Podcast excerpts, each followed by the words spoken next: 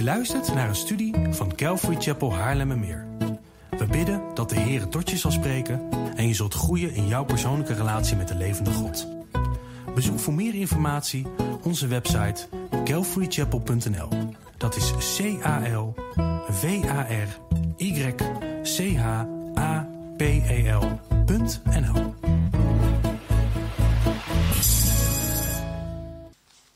Goedemorgen allemaal. Ik heb het voorrecht vanmorgen om uh, voor te gaan hier. Mijn naam is uh, Kobus Diaz. En um, ik ben getrouwd met Ellen, zit me achterin. Ik heb tien kinderen, waarvan vier van mezelf en zes kleinkinderen. Het zijn ook kinderen. En ook allereerst degenen die vandaag voor het eerst zijn, van harte welkom. Ik zie daar een hele familie uit Alphen aan de Rijn, klopt dat? Van harte welkom. En ook uh, de verloofde van Leo, Mira uit Siegen. En ze gaat daar ook naar de Calvary Chapel.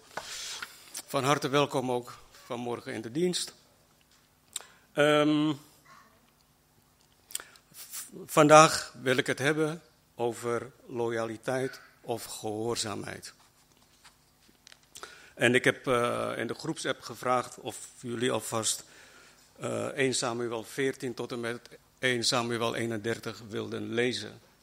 Want het is dus niet de bedoeling dat ik vanmorgen uh, vers voor vers het gaat uitleggen. Maar dat we de focus gaan leggen op, um, op loyaliteit en gehoorzaamheid.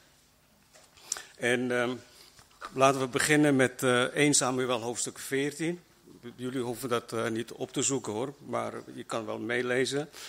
Um, 1 Samuel 14, daar lezen we dat Jonathan op een dag tegen zijn dienaar zegt van... Uh, kom, laten wij naar de vijand gaan. En, uh, want Jonathan zegt tegen zijn dienaar...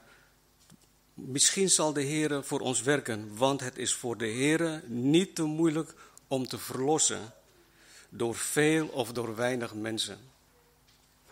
Dus hij zegt hier wat, wat mogelijk is bij God. Want als wij Matthäus, uh, het evangelie van Matthäus 19 lezen, um, dan verwijs ik naar hoofdstuk 19, dan lezen we dat daar een, uh, iemand naar de Heer Jezus uh, toekomt en zegt, Goede meester, wat voor goeds moet ik doen om het eeuwige leven te hebben? En hij zei tegen hem, waarom noemt u mij goed?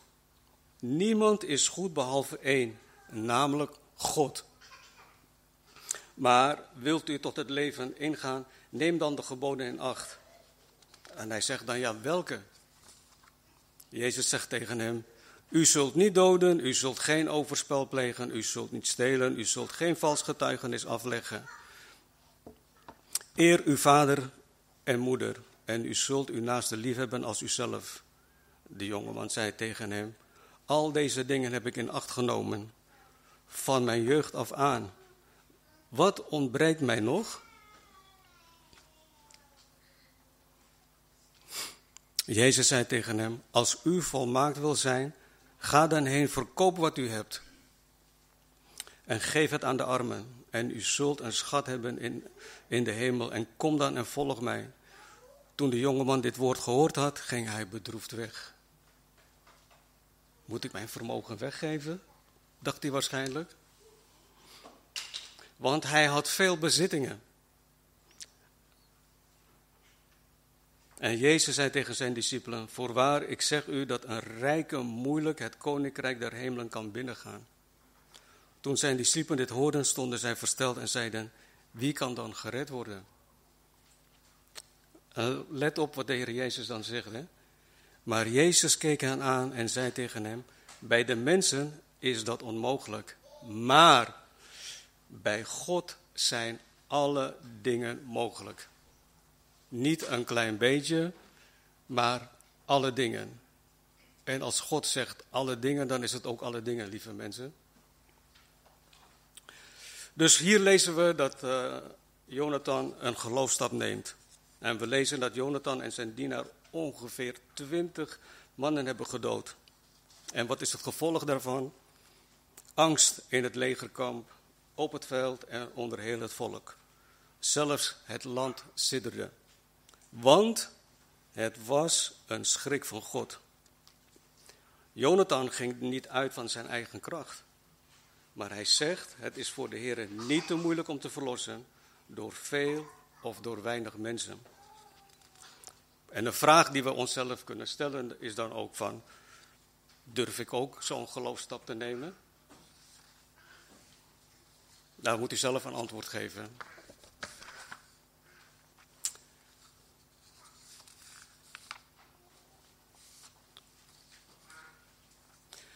We gaan verder naar 1 Samuel hoofdstuk 15. En daar lezen we dat Samuel tegen Saul zegt: De Heere heeft mij gezonden om u tot koning te zalven over zijn volk, over Israël. En hij zegt: Luister daarom nu naar de woorden van de Heere. Zo zegt de Heere van de legermachten: Ik heb acht geslagen op wat Amalek Israël aangedaan heeft hoe hij zich tegen hem gekeerd heeft op de weg toen hij uit Egypte kwam. Ga nu heen en versla Amalek en sla alles wat hij heeft met de ban. Spaar hem niet, maar dood hen van man tot vrouw, van kind tot zuigeling, van rund tot schaap en van kameel tot ezel. Ik neem aan dat het wel een duidelijke instructie is, toch? Als dat gezegd wordt door God. Maar wat gebeurt er? Saul en het volk spaarden Agag de beste schapen. En Agag is de koning van de, van de Amalekieten. De beste schapen en runderen. En wat bijna het beste was, de lammeren en alles wat goed was. Zij wilden niet met de ban slaan, maar elk gebruiksvoorwerp dat waardeloos en vergaan was, sloegen zij met de ban. Maar toen kwam het woord van de Heer tot Samuel. Dat, dat God zegt hier, ik heb er berouw over dat ik Saul tot koning aangesteld heb. Omdat hij zich van achter mij afgekeerd heeft. En mijn woorden niet uitgevoerd heeft. Het is wat. Als God ons wat opdraagt en we doen het niet. Nou, vervolgens kwam Saul bij Samuel en Saul zegt tegen hem, wees gezegend door de Heere, ik heb het woord van de Heere uitgevoerd. En toen zei Samuel, wat is dit dan voor een geluid van schapen in mijn oren en een geluid van rinderen dat ik hoor? En luister wat Saul dan antwoordt. Die heeft men van de Amalekieten meegebracht, want het volk heeft de beste schapen en runderen gespaard om de Heere, let goed op wat hij dan hier zegt, gespaard om de Heere uw God te offeren, maar het overige hebben wij met de ban geslagen. Goh, wat hebben we dan het weer goed gedaan, hè? We hebben dan God weer een handje geholpen. De beste dingen voor de Heer. Saul zegt hier om uw God te offeren. Wat zegt hij hier eigenlijk? Het is, hij, hij zegt, het is niet mijn God, het is uw God, zegt hij eigenlijk. Dat is een heel verschil.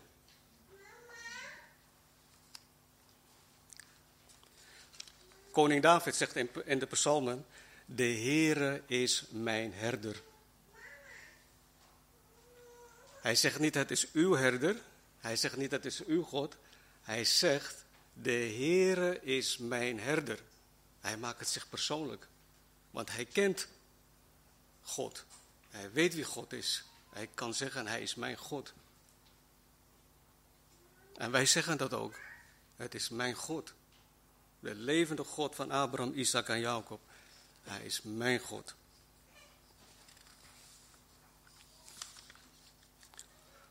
En wat zegt Samuel verder? Samuel zegt, de, Heere heeft u op weg gezonden en gezegd, ga heen, sla de zondags met de ban, de Amalekieten, en strijd tegen hen totdat u hen vernietigd hebt. Waarom hebt u niet geluisterd naar de stem van de Heer? En luister wat Saul dan zegt tegen Samuel. ik heb toch geluisterd naar de stem van de Heer en ben toch de weg gegaan waarop de Heer mij gezonden heeft? Hallo meneer, u heeft niet geluisterd. u kunt een gratis hoortest doen bij uh, schone puntje puntje of bij spek puntje puntje. Van Dalen zegt wat luisteren is. Hè? Met aandacht horen om iets te vernemen. Ingesteld zijn om te horen. Het vraagt dus om een bewuste aandacht en concentratie. En horen is het vermogen om geluiden waar te nemen. Heeft Saul nou geluisterd of heeft hij gehoord wat er gezegd wordt? Vul maar in. Luister wat hij nog meer zegt. Ik heb Agag, de koning van de Amalekieten, meegebracht, maar de Amalekieten hebben met de band geslagen. Het volk heeft van de buit genomen. Dus hij zegt dan weer hè, het volk. Hij zegt dus niet ik. Hij is degene die verantwoordelijk is. Wij dragen ook een stukje eindverantwoordelijkheid. Wij kunnen niet tegen God zeggen van ja, maar de vrouw of de man die u mij hebt gegeven, die heeft mij doen zondigen.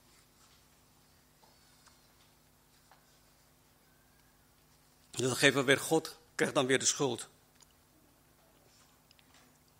En dan zegt hij dan, het volk heeft van de buitgenomen schapen en runder het beste van wat onder de band valt. En dan zegt hij dan weer, om de Heere uw God te offeren. Het is al de tweede keer dat hij in deze hoofdstuk praat over uw God. Maar Samuel zegt, heeft de Heere evenveel behagen in brandoffers en slachtoffers als in het gehoorzamen aan de stem van de Heere?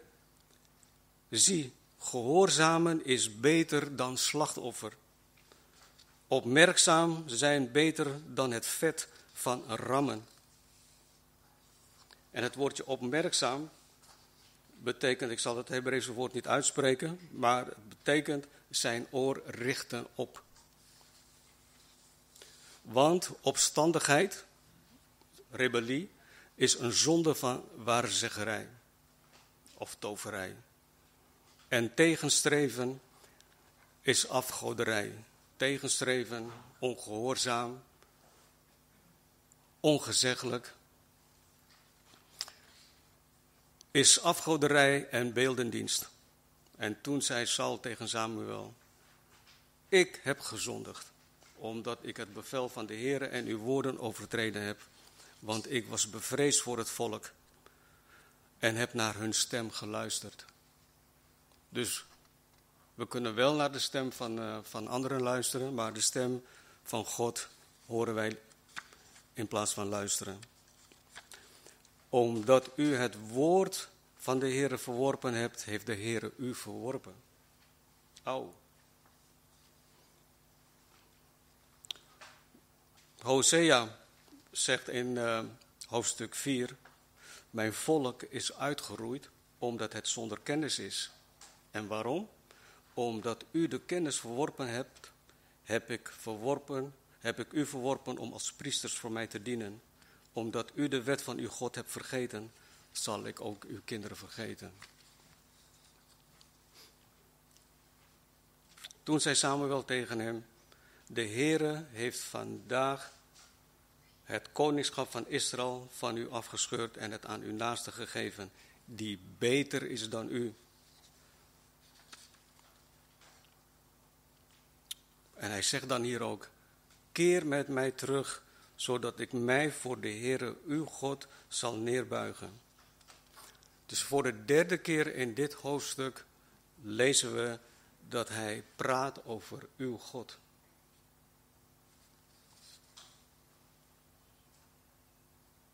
De vraag die wij onszelf kunnen stellen, hoe staat het dan met mijn persoonlijke relatie met de Heer Jezus Christus?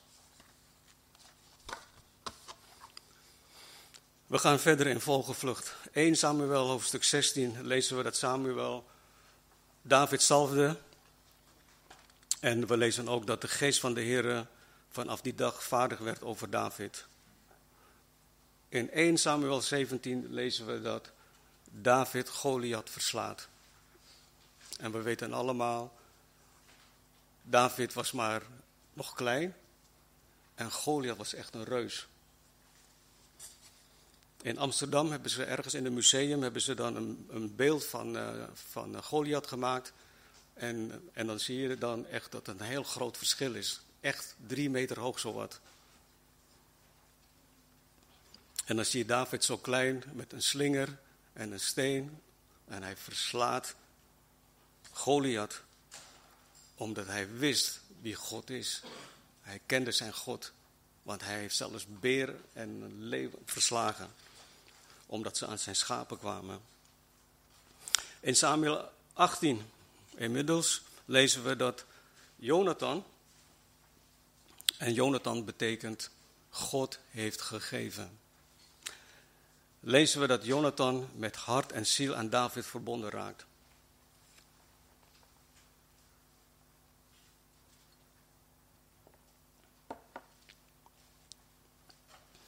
En Jonathan sloot een verbond met David, omdat hij hem liefhad. En Jonathan gaf hem zijn mantel, zijn kleding, zijn zwaard, een boog. En David trok erop uit. En um, Saul heeft uh, David aangesteld over strijdbare mannen. En toen David en zijn mannen terugkwamen na het verslaan van de Filistijnen, gingen de vrouwen uit al de steden van Israël met gezang en rijdans koning Saul tegemoet met tamboerijnen, met blijdschap en met muziekinstrumenten en zongen in beurtzang. Saul heeft zijn duizenden verslagen, maar David zijn tienduizenden. Toen ontstak Saul in woede. Die woorden waren namelijk kwalijk in zijn ogen. En Saul zegt dan: Ze hebben er aan David tienduizend gegeven, maar mij hebben ze er maar duizend gegeven. Het koninkrijk zal zeker nog eens een keer voor hem zijn. En let op wat er staat geschreven. Vanaf die dag hield Saul David in het oog. Wauw. Weet je, het is net alsof er wat gezegd wordt.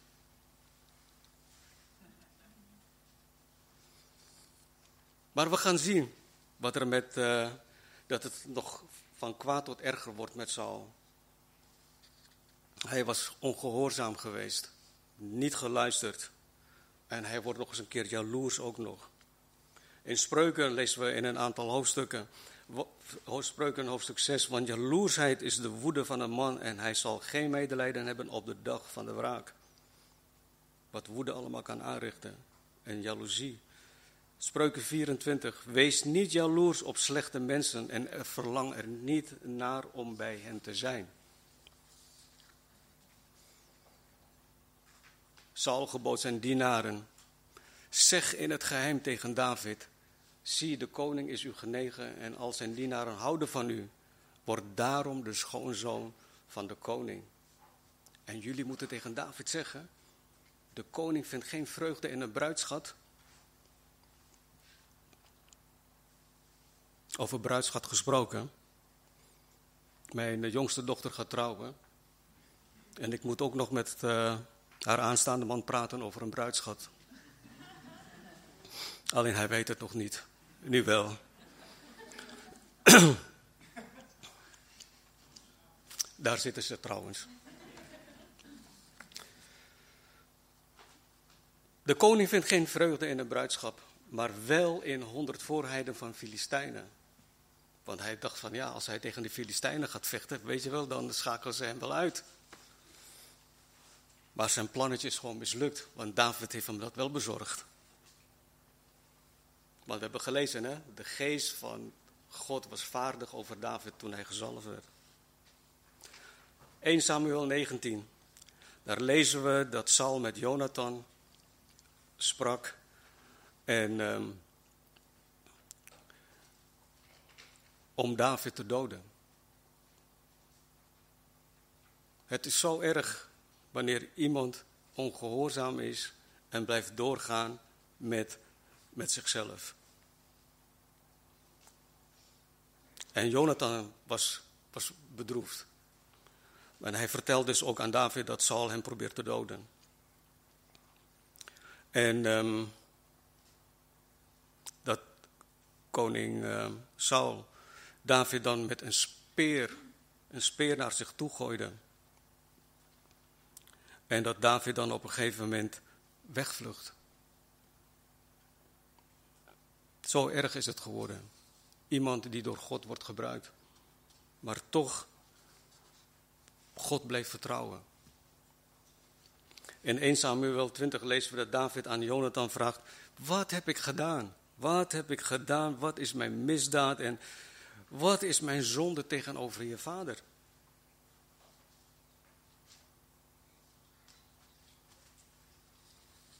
Hij weet het echt niet waarom, waarom dat gebeurd is. En soms weten we dat ook niet. Maar het kan best zijn dat mensen jaloers zijn. Het kan best zijn dat mensen wat tegen je hebben.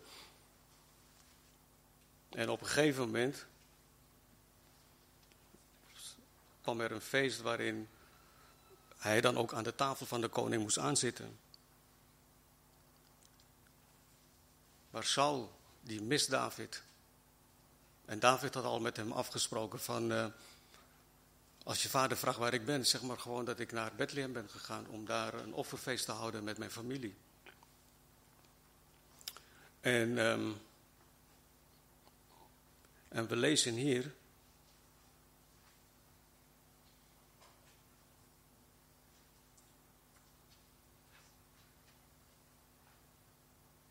dat, dat uh, Jonathan met hem afspreekt.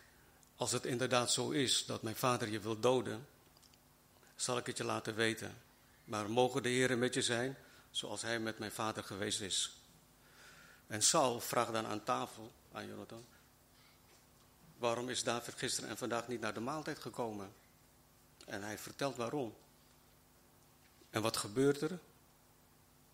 We lezen: Toen ontstak Saul in woede tegen Jonathan en zei: Jij zoon van een ontaarde en opstandige vrouw. Hij kon het gewoon niet hebben. En iemand die in woede uitbarst, die gaat dan ook dingen zeggen waar hij later, hij of zij spijt van gaat krijgen. Maar dat gebeurt bij jullie niet, hè? Want in Spreuken hoofdstuk 2, 27 staat geschreven: Woede en een overmaat aan torens zijn wreedheden, maar wie zal stand houden tegen afgunst? We gaan naar 1 Samuel, hoofdstuk 21. Ik moet ook een beetje op de tijd letten. Daar lezen we dat David bij de priester uh, komt. En de priester vraagt aan David waarom hij alleen is. En David zegt niet wat er gebeurd is. Hè? Hij houdt de naam van Saul in ere. Dat vind ik toch zo mooi. Hè? Dat hij, hij praat niet slecht over Saul. Weet je, hij, hij zegt van ja, ik, ik ben op een bepaalde missie. Weet je, en houd het even geheim. Vertel het aan niemand. In 1 Samuel 22 lezen we dat koning Saul de opdracht heeft gegeven om priesters van de Here te doden. Hoe haal je het in je hoofd om dienaren van God te doden? We hebben in 1 Samuel 18 gelezen dat het kwaad met jaloezie is begonnen. En in Spreuken 16 staat dan nog geschreven: Lieflijke woorden zijn een honingraad zoet voor de ziel en genezing voor de beenderen. In Spreuken 29 staat geschreven: Wie na bestraffing, wie na bestraffing halstarrig is, zal opeens gebroken worden en er zal geen genezing meer zijn. En dat gaan we ook merken bij koning Saul. Dat er op een gegeven moment geen genezing meer voor hem zal zijn.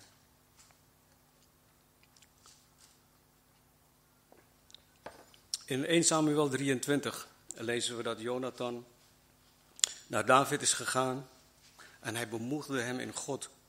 Hij zei tegen, um, tegen David, wees niet bevreesd, want de hand van mijn vader Saul zal je niet vinden. Maar jij zult koning worden over Israël en ik zal de tweede zijn na jou. Ook mijn vader Saul weet dit wel en zij sloten een verbond met elkaar voor het aangezicht van de Heer. Het is een heel belangrijke verbond, want hij zegt, en we moeten daar echt goed op letten, want hij zegt hier ook, ik zal de tweede naar jou zijn.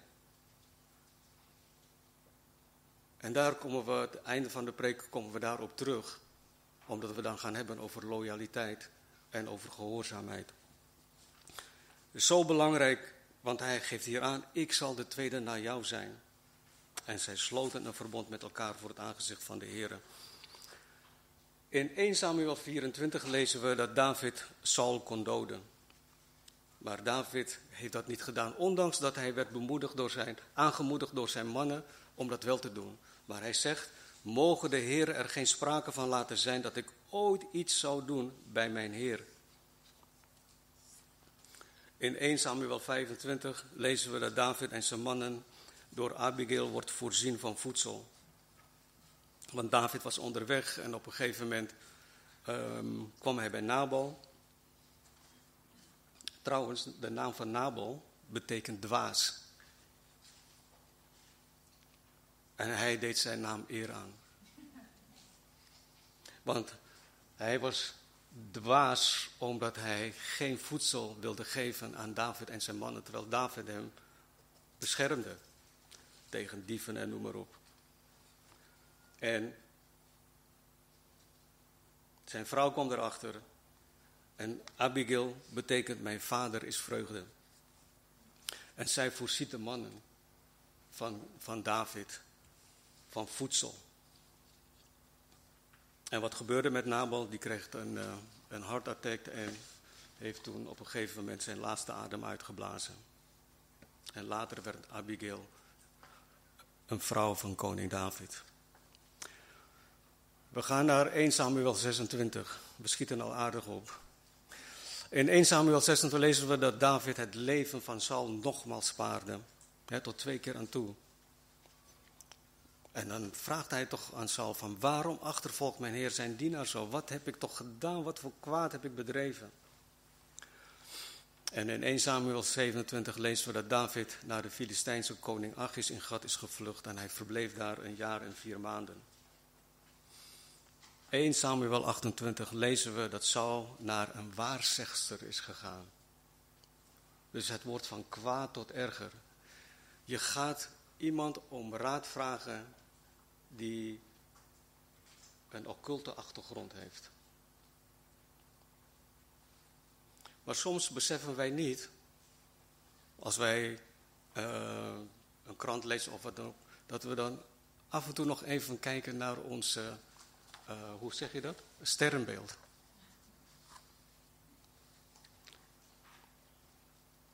Ik zeg niet dat jullie dat doen, maar, maar het is een voorbeeld. Het is een voorbeeld. Want we raadplegen dan, zonder dat we daar erg in hebben, raadplegen we eigenlijk iets wat niet van God is. 1 Samuel 27. We lezen dat David weer vlucht, maar dan naar koning Agis in Gad, een Filistijn. 1 Samuel 28. Oh ja, dat hebben we al gehad. 1 Samuel 29 lezen we dat Agis David riep en zei, zo waar de Heere leeft, u bent oprecht en het is goed in mijn ogen dat u met mij in het leger uittrekt en terugkeert. Ik heb immers geen kwaad bij u gevonden, vanaf de dag dat u naar mij toe bent gekomen tot op de dag. Maar in de ogen van de stadsvorsten bent u niet goed. Keer daarom terug Ga in vrede, opdat u niets doet wat slecht is in de ogen van de stadsvorsten van de Filistijnen. Dus David keert weer terug. En in 1 Samuel 30, we zijn er bijna, lezen we dat David en zijn mannen in Ziklag aankwamen. En die was met vuur verbrand. Hun vrouwen, hun zonen en dochters waren als gevangenen door de Amalekieten meegevoerd. Toen begon David en het volk dat bij hem was luid te huilen. Als we verdrietig zijn, mogen we gerust huilen. Totdat er geen kracht meer in hen was om te huilen. En David werd zeer benauwd, want het volk sprak er over hem te stenigen. Nou, je zal maar in zo'n positie komen, wat ga je dan doen? Wat zou ik doen? Maar we lezen hier wat, wat David doet. David echter sterkte zich in de Heere, zijn God, en vroeg zal ik deze bende achtervolgen? Zal ik ze inhalen? En de Heere zei, achtervolg. Achtervolg ze, want u zult ze zeker inhalen en u zult de gevangenen zeker bevrijden. Dus wanneer wij in een situatie komen, sterk je dan in de Heer. Pak je Bijbel en ga lezen. En vaak is het boek Psalmen. Mijn oom heeft, wel, zegt wel, heeft toen een paar keer tegen mij gezegd: Ko, de Psalmen is de apotheek van de Heere God. En zo ervaar ik dat ook. Dat we, mogen, dat wij bemoedigd mogen worden door God. Waardoor wij onze focus gaan verleggen naar wie Hij is. Want Hij die in mij is, is groter dan Hij die in de wereld is. Toch? Dus David ging omweg, hij met 600 mannen waren ze weggegaan. Uiteindelijk bond hij de strijd aan met 400 mannen. En zo bevrijdde David alles wat de Amalekieten meegenomen hadden. En nu komen we aan het einde van uh, 1 Samuel. En dat is 1 Samuel hoofdstuk 31. En we lezen hier dat de Filistijnen in strijd gewikkeld waren met Israël. En de Filistijnen hielden dicht op Saul en zijn zonen aan. En de Filistijnen doden Jonathan. Yahweh heeft gegeven. En zijn broer Abinadab betekent, mijn vader is gewillig. En Malchisua, mijn koning is rijkdom. De zonen van Saul, die werden gedood. En de strijd tegen Saul werd zwaar. En hij nam zijn zwaard en liet zich erin vallen. Uiteindelijk, een man die ongehoorzaam is, pleegt zelfmoord. Goed, we hebben nu het verhaal um, gelezen over twee geloofshelden.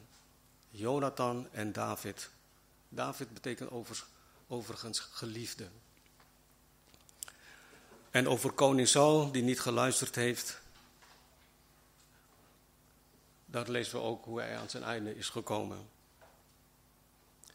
Dus we lezen hoe Jonathan in hoofdstuk 14 een geloofstap heeft genomen. En hij werd beloond om zijn geloofstap. En dat wil God nog steeds doen heden ten dagen met ons. Als wij stappen van geloof zullen nemen. Ga niet zeggen van ja, maar ik ben dit. Ja, maar ik ben dat. We hebben, ook een verhaal van Gideon. God zegt tegen hem, gij strijdbare held. Wie, ik? Weet je, wij zijn kinderen van God geworden, lieve mensen. Weet je, en God is zo groter dan welk probleem wij ook tegenkomen. Hij is zo getrouw. Ik ben elke dag ontrouw. Maar hij blijft getrouw. Hij heeft ons lief. We hebben het zelf gezongen. Hij, hij schenkt ons zijn, zijn onvoorwaardelijke liefde. Hij schenkt ons genade. Wij hebben het niet verdiend, maar toch blijft hij dat geven. Paulus praat over zijn alles overtreffende genade. Zijn genade is zoveel. Het is net alsof wij een, een, een, een kredietkaart bij God hebben van genade. Gebruik het maar.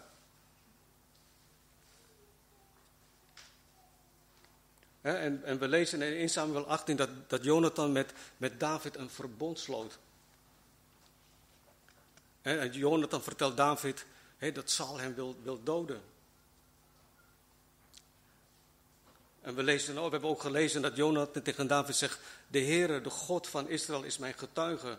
Dat ik mijn vader morgen of overmorgen omstreeks deze tijd uit zal horen. En zie, als er dan goed voor je voor staat, stuur ik je geen bericht. Als mijn vader kwaad over je brengt, zal ik het je oor vertellen. Ik zal je laten gaan, zodat je in vrede kunt vertrekken. Mogen de Heere met je zijn zoals hij met mijn vader is geweest.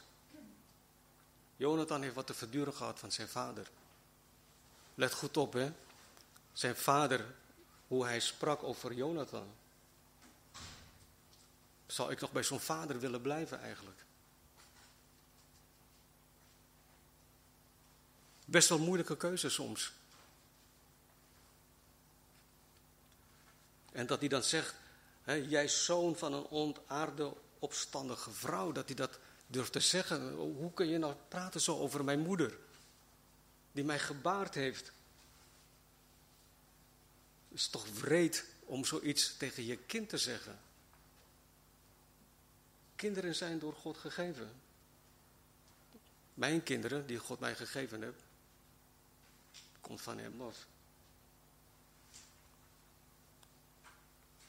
En het is ook belangrijk hoor, dat, je, dat als je kinderen gaat krijgen, dat je dan ook echt ook goede namen geeft. Ga niet je zoon Nabal noemen. We weten nog hè, wat Nabal betekent, toch? En toch, hè, Jonathan die gaat naar David en toch blijft hij hem, hem bemoedigen. En dat hij zelf zegt, jij zult koning worden over Israël. Let goed op, hè. Hij zegt, jij zult koning worden over Israël. En ik zal de tweede zijn na jou.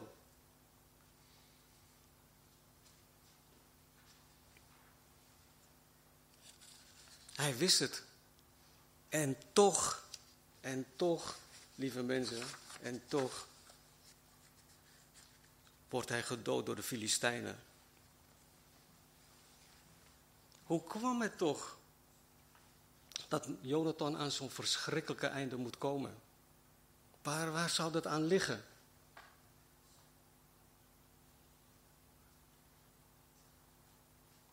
Heel triest. Hij, hij vertrouwde God. Wij vertrouwen ook God. Welke keuze maken wij? En wat zal het gevolg kunnen zijn van onze keuze? De vraag is welke wij ons heden ten dagen zouden moeten stellen van bouw ik met goud, bouw ik met zilver, edelstenen of met hooi, hooi of stro. We lezen in 1 Korinthe hoofdstuk 3 en ik lees eh, even vanaf vers 10. Overeenkomstig de genade van God die mij gegeven is, heb ik als een wijs bouwmeester het fundament gelegd en een ander bouwt daarop. Ieder dient er echter op toe te zien hoe hij daarop bouwt, want niemand kan een ander fundament leggen dan wat gelegd is. Dat is Jezus Christus.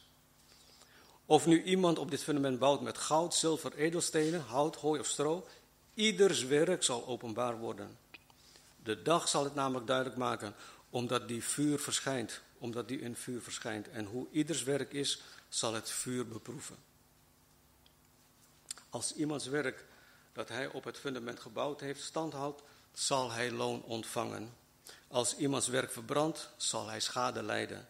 Hij zelf echter zal behouden worden, maar wel zo als door vuur heen. Zie je? God van genade. We, we, blijven, we krijgen toch nog genade. Alleen, staat er, we zullen schade lijden als wij op hout, hooi of stro hebben, hebben, uh, hebben gebouwd. En Jonathan, die dan uitgaat van, ik zal dan de tweede na jou zijn. En toch, lieve mensen, toch maakt Jonathan de keuze om zijn vader loyaal te blijven. Dat heeft geresulteerd in een verschrikkelijke dood.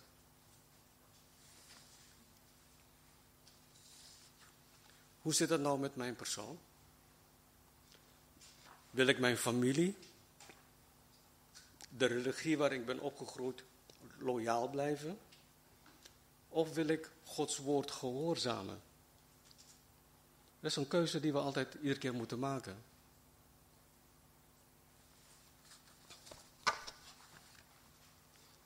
Filippenzen hoofdstuk 3. Maar wat voor mij winst was, dat heb ik om Christus wil als schade beschouwd. Ja, beslist. Ik beschouw ook alles als schade vanwege de voortreffelijkheid van de kennis van Christus Jezus. Mijn Heere, om wie ik dat alle schade ervaren heb. En ik beschouw het als vuiligheid, opdat ik Christus mag winnen. en in Hem gevonden word. Niet met mijn rechtvaardigheid die uit de wet is, maar die door het geloof in Christus is. Namelijk de rechtvaardigheid uit God door middel van het geloof. Opdat ik Hem mag kennen. Hem mag kennen. En de kracht van zijn opstanding en de gemeenschap met zijn lijden. Doordat ik aan zijn dood gelijkvormig word. Om hoe dan ook te komen tot de opstanding van de doden. Niet dat ik het al verkregen heb of al volmaakt ben, maar ik jaag ernaar om het ook te grijpen. Daartoe ben ik ook door Christus Jezus gegrepen. Broeders en zusters, ik zelf denk niet dat ik het gegrepen heb, maar één ding doe ik. Vergeten wat achter is, mij uitstrekken naar wat voor is, jaag ik naar het doel. De prijs van de roeping van God die van boven is. In Christus Jezus. Laten wij dan, voor zover wij geestelijk volwassen zijn, deze gezindheid hebben. En als u iets anders gezind bent, ook dat zal God u openbaren. Maar tot zover wij gekomen zijn, laten wij naar dezelfde regel wandelen. Laten we eensgezind zijn. Ik hoop hiermee ehm, duidelijkheid te geven van wanneer wij een keuze maken, dat we dan ook gaan nadenken van, ja, maar het is, het is, mijn, het is mijn vrouw, het is mijn man, het is mijn vader, het is mijn moeder. Maar dat we toch de keuze gaan maken en dat we teruggaan naar het woord van God. Er staat geschreven, lieve mensen, laten we vasthouden aan het woord van God. Laten we gehoorzaam blijven, laten we elkander blijven bemoedigen met het woord van God. En zoals al eerder gezegd is, na de dienst laten we niet over koetjes en kalfjes hebben, maar laten we elkander tot zegen zijn. Mochten er straks nog vragen zijn, ik, uh, jullie weten mij te vinden, of andere broeders en zusters. Vader in de hemel, dank u wel. Heer, dat ik uw woord heb mogen brengen. En dank u wel, Heer, dat, wij, eh, dat u ons erbij helpt, Heer, dat wij, wanneer wij in een bepaalde lastige situatie zitten, Heer, loyaal te blijven of u te gehoorzamen. Schenk in ieder van ons de kracht, Heer, dat wij een dader van uw woord zullen zijn en blijven. En dat ons leven tot eer en glorie van u alleen mag zijn. U, Heer Jezus Christus. Amen.